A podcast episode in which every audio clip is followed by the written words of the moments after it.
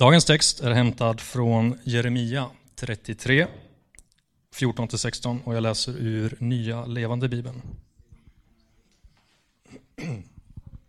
Ja, den dagen ska komma när jag ska göra allt det goda för Israel och Juda, som jag lovat dem, säger Herren.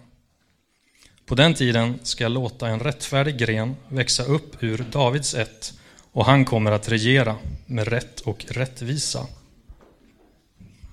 Folket i Juda och Jerusalem ska då leva i trygghet och deras motto ska vara Herren är vår rättfärdighet. Jag läser vidare från Markus 1 och 15. Tiden är inne, Guds rike är nära. Omvänd er och tro på budskapet. Detta är Guds ord till oss idag. Varsågoda och sitt och välkommen fram Linda. Tack så mycket. Andra advent. Fantastiskt budskap. Tiden är inne, Guds rike är nära. Omvänd er och tro på budskapet. Jag börjar med lite bilder. Andreas, är du beredd? Stickan. Det här för er som har varit med om det är något magiskt och fantastiskt som många längtar efter. Det finns många känslor runt det här. Men det här är ögonblicket när jag upptäckte att jag väntade barn för allra första gången i mitt liv. Jag tror nästan att jag mässade dig den här bilden. Jag var lite ivrig. Det här var 2006. Nästa bild. Här är vi väldigt lyckliga och förväntansfulla. För vi har ett löfte som den här stickan har visat att någonting är faktiskt på gång. Och om åtta månader kommer någonting hända. Nu har det gått fem och en halv månad till ungefär och vi har ungefär två månader kvar innan Caleb ska anlända. Och så här såg det ut när han hade levt ungefär åtta, nio veckor och man bara känner det är värt allt. Allt blod, allt jobbigt, alltså det bara, man glömmer bort allt och så får man ett sånt här liv att leva med. Advent handlar ju om Jesus ankomst och vi ska fira om några veckor Jesus födelsedag, att han har kommit, vilket han gjorde ungefär 2000 år sedan, kom ner, föddes till jorden, blev människa och flyttade in i kvarteret där vi bor. Och flera hundra år innan Jesu ankomst, vi hade alltså, vi hade ju åtta månader när vi visste efter den här stickan, okej, okay, snart ska någonting hända. Vi gick in i en förberedelsetid. Men innan Jesu ankomst, många hundra år sen, eh, tidigare, så började Gud att preppa den här ankomsten. Han började genom olika, på olika sätt tala genom människors eh, liv och det finns i Bibeln en mängd olika eh, profetior, olika eh, detaljrika sådana som faktiskt berättar om var den här personen skulle födas. Det stod att Jesus skulle födas i Betlehem, ungefär när han skulle födas. Det stod om hans syfte, om hans eh, funktion på jorden. Det står om hans, eh, till och med detaljer om hur han skulle dö. Är du intresserad av sådana här bitar så har jag skrivit ut eh, två sidor med 76 sådana skriftställen. Och när man börjar titta i det så bara fantastiskt. Det finns bara så en mängd många bevis att det här skulle hända, förutsägelser om Jesu ankomst. Så när Jesus säger de här orden, tiden är inne, Guds rike är nära. Alltså för, de, för de troende, eh, de första kristna, så var det här var en riktig wow-känsla. Och det här var ju människor som hade en helt annan baskunskap, skulle jag säga, än Eh, i vår kultur, där några har gått i söndagsskolan, man har eh, li, lite kunskap, men på den här tiden då man, man gick till sin synagoga eller templet, man hade hört skrifterna, så det var väldigt mycket som man, som man hade koll på. Så när man hörde det här, man såg och bitarna började falla på plats, då såg man det här som Daniel pratade om. Åh, wow! Jag ser hur det passar ihop. Jag ser hur Gud har förberett det här. Tiden är inne. Det här korta ordet tiden.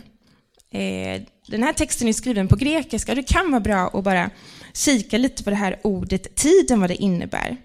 Dels har vi ordet kronos, som, som betyder tid. Och vi har också ordet kairos. Kronos, det är det här ordet som man kan mäta tid i dagar. Eller klockan 15 och 27 händer det här och så vidare. Men ordet kairos, det är det som används nu. Det handlar om att alltså bortom tid och rum så är det en speciell tidpunkt som förändrar någonting. Och vi har väl alla haft de här Kairos-ögonblicken. Det händer någonting. Det var helt ointressant exakt vilket klockslag det var. Men denna tidpunkten, alltså det här ögonblicket bara förändrade allt. Ett sånt tillfälle var det när Jesus sa tiden, alltså Kairos, är inne. Och det här ordet inne, det visar också på att någonting är fyllt, alltså det var uppfyllt. När Jesus står och säger tiden är inne, då var det någonting oerhört speciellt i historien som började ske då i och med detta. Någonting var fyllt, någonting var uppfyllt. Han stod och uppfyllde alla de här profetierna. Så det här var magiskt. Eh, det här är stora ord. Tiden var uppfylld och fullbordad. Och det första jag vill stanna upp i, eh, i den här förkunnelsen idag, första punkten kallar jag Gud håller vad han lovar. Trofasthet, lojalitet, löften. Alltså det är inte en självklarhet att kunna lita på alla löften vi får idag. Det gör vi inte. Och i en tid, inte minst i en tid som denna, så är det viktigt att vi vet vilka typer av löften vi står på. Vem är det som har gett de här löftena? Vad bygger jag egentligen mitt liv på? Vad är det jag står på? Vad är det, jag, vad är det som ger mig trygghet? Är det chefens löften till mig? Är det min partners löften till mig? Är det föräldrar, vad de har sagt om mig eller saker som ska hända? Är det omständigheter? Eller vems, vems löften är det som jag egentligen står på? Som jag bara, jag står ganska bra här. Jag tror det här kommer det här är hållbart. Det här tror jag kommer hålla livet ut. Vems löften är det jag står på? Josua han sa innan han, eh, innan han skulle dö, så jag tycker det här är så vackert, säger han så här. Själv går jag nu den väg allt levande måste vandra. Av hela ert hjärta och med hela er själ har ni erfarit, alltså han talar till Israels folk, att ingenting har uteblivit av allt det goda som Herren er Gud har lovat er. Allt har gått i uppfyllelse. Ingenting har uteblivit. Det är Gud. Bibelns Gud. Han är trofast. Och han kan vi, hans löften kan vi stå på. Och luft, luften har flera funktioner som är väldigt viktiga. När vi satt där med stickan, då visste vi, okej, okay, det här innebär att vi är på väg i den här riktningen. Nu behöver vi preppa oss, alltså det handlar om Härligt att barnen har gudstjänst där ute. Då visste vi att vi hade några månader att förbereda oss och bara med allt och rätt tankarna sätts igång. Och löften kan faktiskt vara vägvisare. Bara okej, okay, det är den här riktningen, det är hit du ska förbereda dig, det är hit du är på väg. Alltså det visar en riktning och det är en väldigt viktig del av löften. Löften är viktiga. Löften är också, de inger, de inger hopp och de bär oss genom saker och ting. Genom, genom historien, genom skriften, så hade alla de här löftena som, eh, som judarna eh, kände till och fick höra om och om igen. Det var ju någonting som gav dem kraft, det gav dem en riktning. De visste, okej, okay, det här kommer att hända, det är det här vi siktar på. Det gav dem också en enorm glädje, ett enormt hopp. Och löften har den också den funktionen att den bär oss genom saker och ting. Och därför är det väldigt viktigt att du och jag känner till vad är det för löften som jag kan stå på. Här kan man missa väldigt mycket om man inte känner till löftena. Man kan missa och bäras genom saker och ting om man inte känner till vad är det egentligen han har lovat oss. Tron är grunden för det vi hoppas på. Alltså löften som vi kan stå på. Och det finns ju en mängd löften i Bibeln, löften som redan, alltså som redan tillhör oss. Saker som redan har hänt som vi kan leva i idag. Jag vill bara nämna några kort, ett par stycken. Jag kanske skulle kunna hålla på i flera dagar här, så jag gör det lite kortare för er skull. Gud har lovat oss att vi ska få den helige Ande. Om nu redan ni som är onda förstår att ge era barn goda gåvor, skall då inte Fadern i himlen ge helig ande åt dem som ber honom? Det här är ett löfte som han redan gett oss. Det tillhör oss. Om vi ber att få del, att få den helige ande, så har Gud lovat, då ska ni få det. Fantastiskt. Gud har lovat att förlåta oss våra synder. När vi hade syndabekännelse här innan, då är det på grund av ett löfte som finns skrivet i Bibeln där vi vet att när vi är uppriktiga, när vi gör det här med uppriktighet av vårt hjärta så vet vi att när vi bekänner, då vet vi att vi får förlåtelse. Alltså vilket löfte! Och det står vi på och det tar vi vara på. Gud har lovat oss evigt liv. Det här är vad han själv lovade oss, det eviga livet, säger Johannes evigt liv. Det har vi ett löfte på att vi kan få del av det eviga livet nu. Och vi behöver inte frukta det som väntar. För när vi har fått ta emot evigt liv så bär det genom evigheten. Vi kommer aldrig dö. Vi kommer aldrig skiljas från Gud. Vilket enormt löfte som kan bära oss genom allt. Det sista korta jag vill nämna är att Gud har lovat att vi inte ska frestas över vår förmåga. Och här kommer jag att tänka på Daniel och Paulina Brolin, som många säkert känner igen, för det här var ett väldigt mediapådrag när detta, när detta skedde. Det var en kille och en tjej på 22 och 23 år gamla som åkte iväg på sitt första missions uppdrag till Ryssland. Och efter ganska kort tid så blev de kidnappade. Expressen följde det här. Det här pågick under 165 dagar. Det har skrivits en bok om det, Det har varit eh, väldigt mycket intervjuer eh, kring det här. Det kom till en punkt, eh, misshandeln började öka på. De satt i det här fuktiga, väldigt mögliga rummet. De fick inte gå ut en enda gång. De fick oerhört begränsat med mat. Det kom till en punkt när Daniel sa, och han viskade till Gud och sa, nu orkar inte jag en dag till. Och någon dag innan så hade han och Paulina suttit och pratat om det de först av allt ville äta när de skulle bli fria. Och det här har de kommit fram till att det var Marabou schweizernöt. Och de fick några små försändelser från församlingen och från vänner eh, som, som de fick ta emot.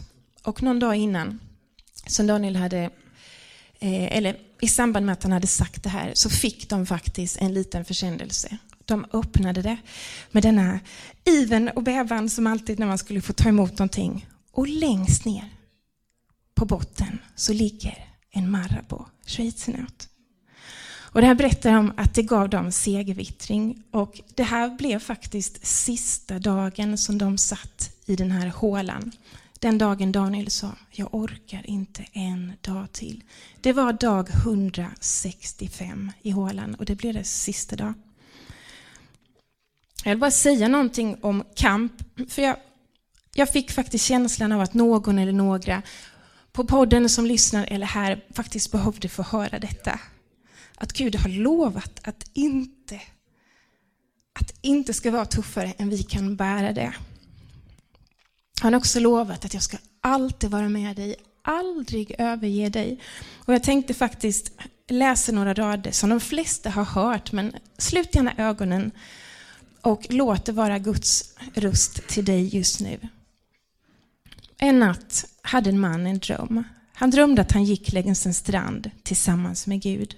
Och på himlen trädde plötsligt händelser från hans liv fram. Han märkte att vid varje period i livet så fanns spår i sanden av två par fötter. Det ena spåret var hans och det andra var Guds. Och när den sista delen av hans liv framträdde så såg han tillbaka på fotspåren i sanden. Och då såg han att många gånger under sin levnadsvandring så fanns det bara ett par fotspår. Och han märkte också att detta inträffade under hans mest ensamma och svåra period av sitt liv. Och det här bekymrade honom verkligen och han frågade Gud om detta. Herre, du sa den gången jag bestämde mig för att följa dig att du aldrig skulle överge mig utan gå vid min sida hela vägen. Men jag har märkt under de allra svåraste tiderna i mitt liv så har det bara funnits ett par fotspår och jag kan inte förstå att du lämnade mig när jag behövde dig som mest. Herren svarade, mitt kära barn, jag älskar dig. Jag skulle aldrig lämna dig under tider av prövningar och lidande. När du bara såg ett par fotspår, då bar jag dig.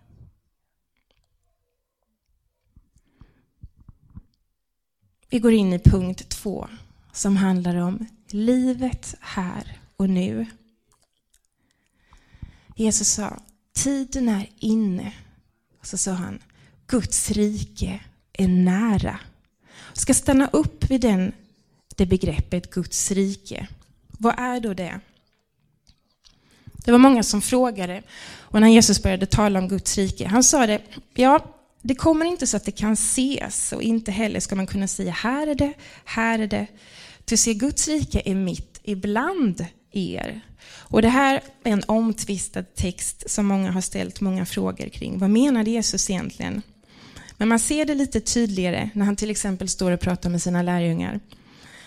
Och då sa han, för han skickade iväg dem, lärjungarna, eh, och så sa han, när ni kommer till en stad så ät och drick vad som bjuds, det vill säga kom, gå till staden, umgås, lär känna folk.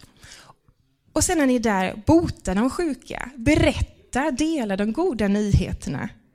För nu är Guds rike hos er. Så när de gick ut, då sändes de ju i Guds kraft. Och när de gick ut, då gjorde de gott. Och där lärjungarna kom, kom därmed också Guds rike. Det handlade om en tillgänglighet. Att det som Jesus Kristus hade, som kom igenom honom, det blev också tillgängligt när lärjungarna sändes i hans kraft. De kom i hans namn. Och någon mer definition på Guds rike? Sinclair Ferguson har sagt så här. Han definierar riket som där Gud råder och regerar och där hans nådefulla suveräna vilja uttrycks. Och att tillhöra Guds rike, det är att vara del av människor bland vilka Guds rike redan har börjat. Och vi ber varje, varje gudstjänst, så ber vi ju Herrens bön, bland annat den här strofen. Låt din vilja ske på jorden, precis som i himlen. Det handlar om att Guds rike, vi vill se det börja komma mer och mer. Det finns redan här och vi vill se det mer och mer. Guds rike är nära. Det ordet ska vi stanna upp till lite. Man kan säga, vi är ganska nära till Sankt Eriksplan, där vi är nu. Man kan prata om nära i tid.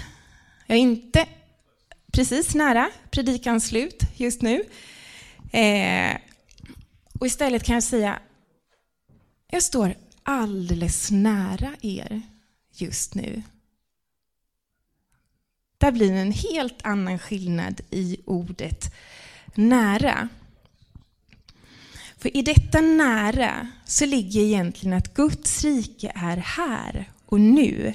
Alltså det är närvarande både i tid och rum. Allting, det är alldeles nära intill oss, med oss. Och det är flera engelska översättningar som, som förtydligar det här ännu bättre tycker jag. Bland annat King James Bible som säger The kingdom of God, eller the kingdom of heaven is at hand. Alltså det är så, nära, det var så här, Det finns där. Du bara behöver gripa tag i det. It is at hand. Alltså så nära. Det bara... Och vad gör det med oss? Alltså vad spelar det för roll om vi förstår ett sånt futtigt ord som nära? Lite skevt eller inte? Jag skulle säga att det gör jättestor skillnad. Om jag säger till Effe här, du jag har fixat en, du, du får inte ta mig på orden nu. Jag har fixat en present till dig. Alltså nära, det kommer om ett, om ett litet tag, så småningom, du ska få den. Eller om jag säger så här, FM. Det står en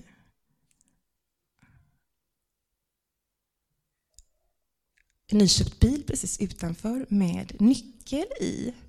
Det är ditt favoritmärke. Senaste modellen. Du kan springa nu om du vill. Du vet, det blir lite skillnad plötsligt om man säger liksom det, det är någonting som kommer snart, jag ger ett löfte om någonting. Eller så säger jag, den står precis parkad, fått parkeringen precis utanför Ledermans här, nyckeln sitter i. Det blir en helt annan skillnad av vad som är närvarande. Vad är det man agerar på? Man agerar självklart på det som man tror is at hand, det som är greppbart. Är det någonting som är tillgängligt? Jag tar det. Känns det väldigt långt bort, ogreppbart? Jag kommer inte agera på det. Det är väldigt stor skillnad. Och vi ska fokusera lite på här och nu. För jag tror ibland är det så lätt och leva och bara fokusera på det som är långt bort. Sen, eller när jag blir stor, då ska jag. Kan, man kan fastna i det där fast man är 42 eller 50 eller 60, det har jag hört många. Eller vad vi drömmer om att göra sen, en dag, när saker och ting blir annorlunda. Eller vad vi tror vi kallar det att göra. Men vänner, vi lever här och nu. Och någonting som jag har kommit på är faktiskt att vi kommer ju alltid leva i här och nu. Vi kommer ju aldrig leva i framtiden. För framtiden är alltid imorgon. Du lever alltid i idag.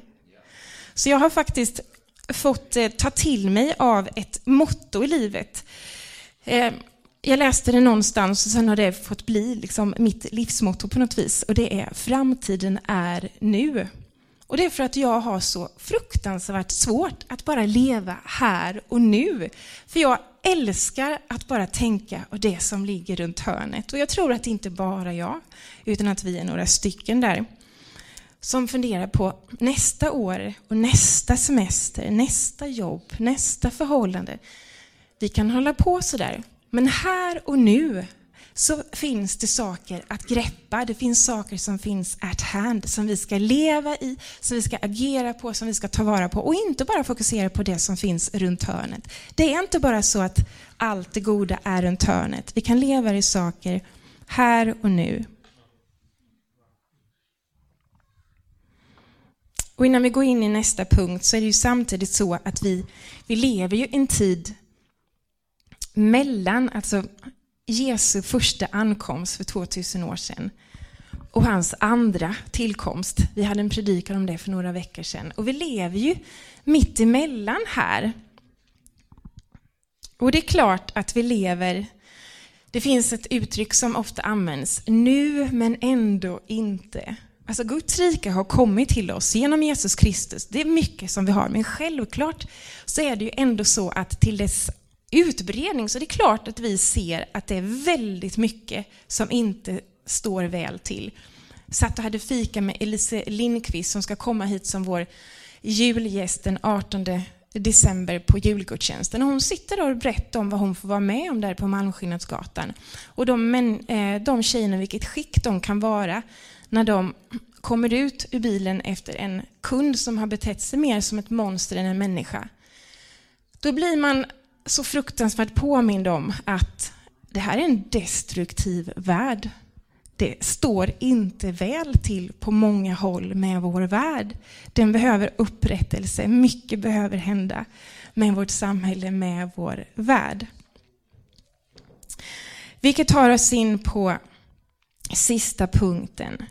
Hur bidrar jag och hur bidrar vi till Guds rike nu och till den upprättelsen av den här världen. Omvänd er och tro på budskapet, sa Jesus. Tiden är inne. Det har vi pratat om. Guds rike är nära. Och så sa han, omvänd er och tro på budskapet. Och det slutar ju inte där. För fokuset ligger ju inte... Alltså det här är ju, det blir ett slags startskott. Jesus visste ju exakt vad som, finns, vad som fanns tillgängligt. Så han bara, omvänd er, tro på budskapet. Han visste att det fanns ju så mycket för dem att få del av. Men det började ju med en omvändelse. Det började med att de behövde vända om för att se saker på ett helt nytt sätt och få del av det som fanns tillgängligt. Det är en förutsättning för att komma vidare. Och när vi har syndabekännelse i vår gudstjänst, eh, eller som man har i kyrkor världen över, så är det inte en slutpunkt, utan då vet vi att vi bekänner för vi vill ha del av förlåtelsen. Vi vill ha del av det livet, av den gemenskapen. Att jag vill ständigt kliva in, kliva tillbaka, kliva in i det som finns tillgängligt för mig. Jag vill inte missa av det. Och därför vill jag bekänna, omvända mig när jag behöver göra det, vilket är faktiskt väldigt ofta.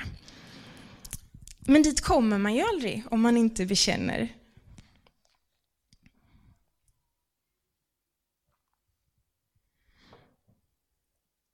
Hur bidrar vi till Guds rike nu till att se det utbreda sig? United Stockholm. Vi är en kyrka som har funnits ett par år, ganska få, mitt i storstan i Stockholm.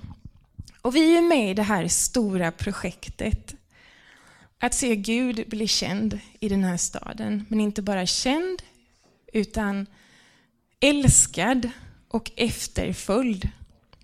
Det är det vi längtar e- efter. Vår kyrka existerar ju för att se vanliga och ovanliga stockholmare som du och jag, men som inte alls har haft evangeliet tillgängligt, att de ska få det tillgängligt och få en möjlighet att kunna ta ställning till det som faktiskt finns tillgängligt för dem. Det är därför vi finns här. Med en sån längtan att de ska få se någonting som de inte sett än och få del av ett, en gemenskap med Gud själv få förstå vad Guds församling är och kan göra för dem och vad de kan bli del av. Och det här gör ju kyrkor, olika kyrkor på olika sätt. Någonting som vi värdesätter högt, det är vår förkunnelse. Eh, vi tror att den är viktig, vi tror att den formar oss, vi tror att den bygger, gör någonting med oss. Vi tror att det blir en, ger oss en grund vi kan stå på, även i vardagen. För vardagen kickar in så fort vi eh, tar oss härifrån. Och vi sänds ut från gudstjänsten. Vi sänds ut till vardagen med Guds välsignelse påfyllda. Vi har möjlighet till förbön. Vi får ta del av nattvarden för att fylla på, för att ta del av honom, för att skickas ut till vardagen. För våra vardagsliv, det är det som gör skillnad. Det är där vi finns, det är där det finns beröringspunkter med människor. Det är där det finns tillfällen, eh, Kairos ögonblick som kan ta plats. Och vi värdesätter relationer. Vi värdesätter enhet. Vi heter United. Och United är inte bara en kyrka med en massa individer utan vi tror att när vi individer kommer tillsammans så blir det något kollektivt, det blir något starkt, det blir något gemensamt som vi alla behöver. Det gör någonting med oss. Det är oersättligt. Och vi tror att vi kan vara med och ska vara med och bidra till den här upprättelsen av vår värld och vår stad. Allt hänger inte på mig, men jag kan göra någonting. Eh, två saker kort jag bara vill nämna. Vi kan bidra och vi ska bidra med de gåvor vi har fått. Står du i ett läge när du inte riktigt vet vart du, eh, var du ska gå? Fråga Gud, vilken arbetsplats vill du att jag ska hamna på? Vilka människor ropar till Gud i det sammanhanget där jag är nu? Som jag inte alls har en aning om. Vilka är det som pratar med dig? Vilka är det som ropar till dig? Vilka är det som du verkar på just nu? Herre, leder mig till dem så att jag kan veta. Och vi börjar där vi är och där vi befinner oss.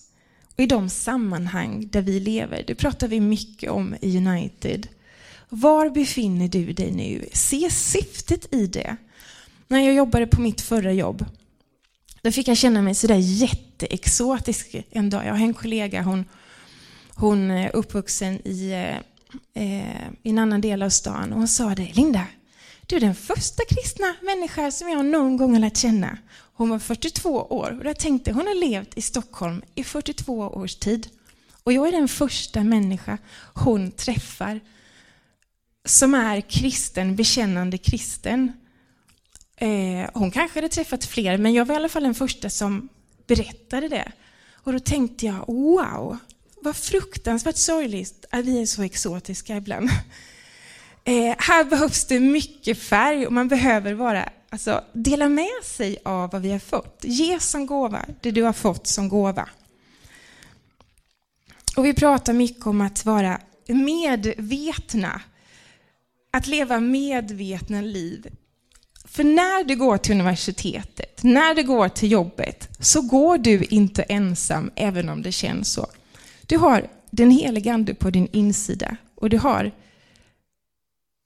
och där du går fram, där kan Guds rike komma fram.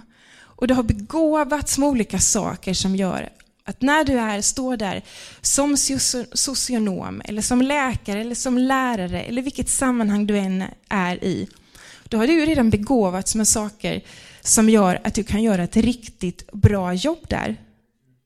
För att det ska ske någon slags upprättelse, att du bygger upp någonting. Det blir en bättre plats för att du har varit där.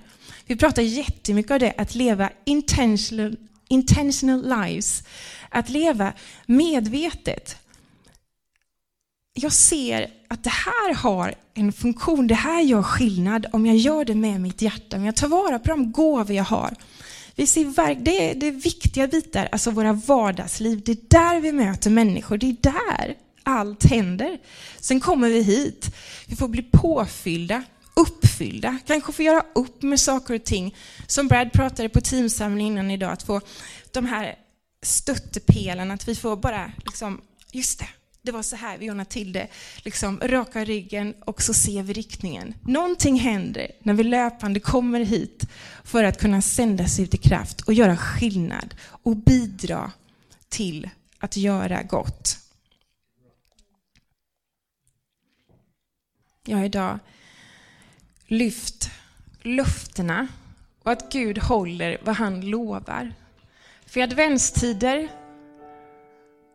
så blir vi påminda om att det finns löften genom hela historien. Bibeln är full av löften.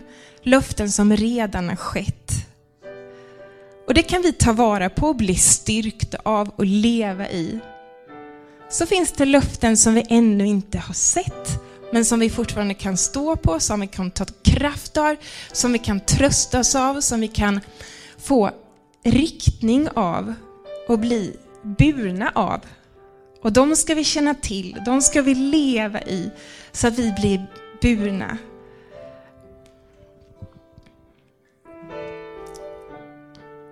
Jag pratar om att leva här och nu. Inte bara leva för det som ligger framför, alla eventuella framgångar, alla, alla eventuella drömmar, utan att här och nu vill jag, Herre, ta vara på det. Your kingdom is at hand. Då vill jag ta det nu, jag vill leva i det nu, jag vill ta vara på det som finns och leva i det och kunna glädjas av det och kunna ta kraft ifrån det, ta rygg på det.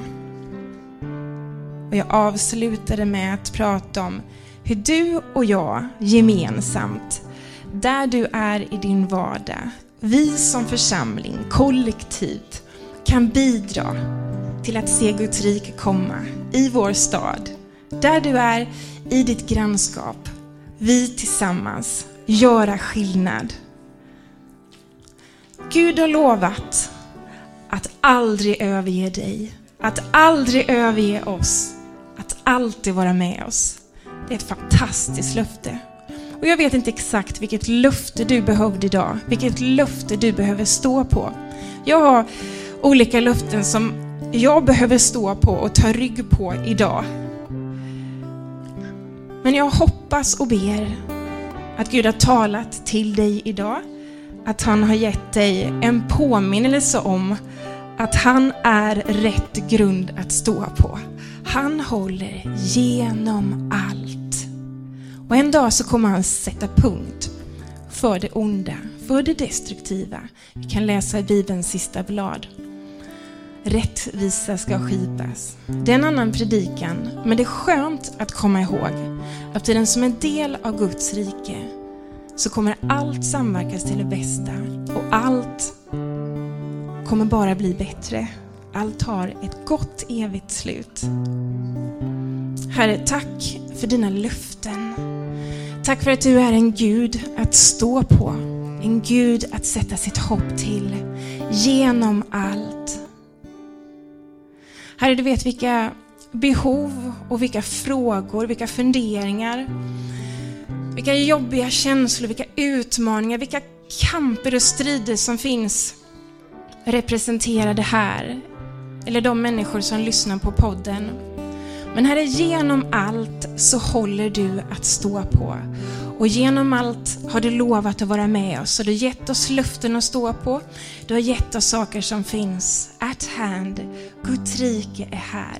Herre, lär oss som församling, lär oss som individer och kollektivt att ta vara på det du gett oss, att leva i det, att agera på det, ta vara på det, ta rygg på det, Herre. Och kunna fira tillsammans när det går bra och kunna gråta tillsammans när det inte går som vi har tänkt oss. Herre, låt din vilja ske. Låt ditt rike komma allt mer på jorden, i Stockholm, så som i himlen. Amen.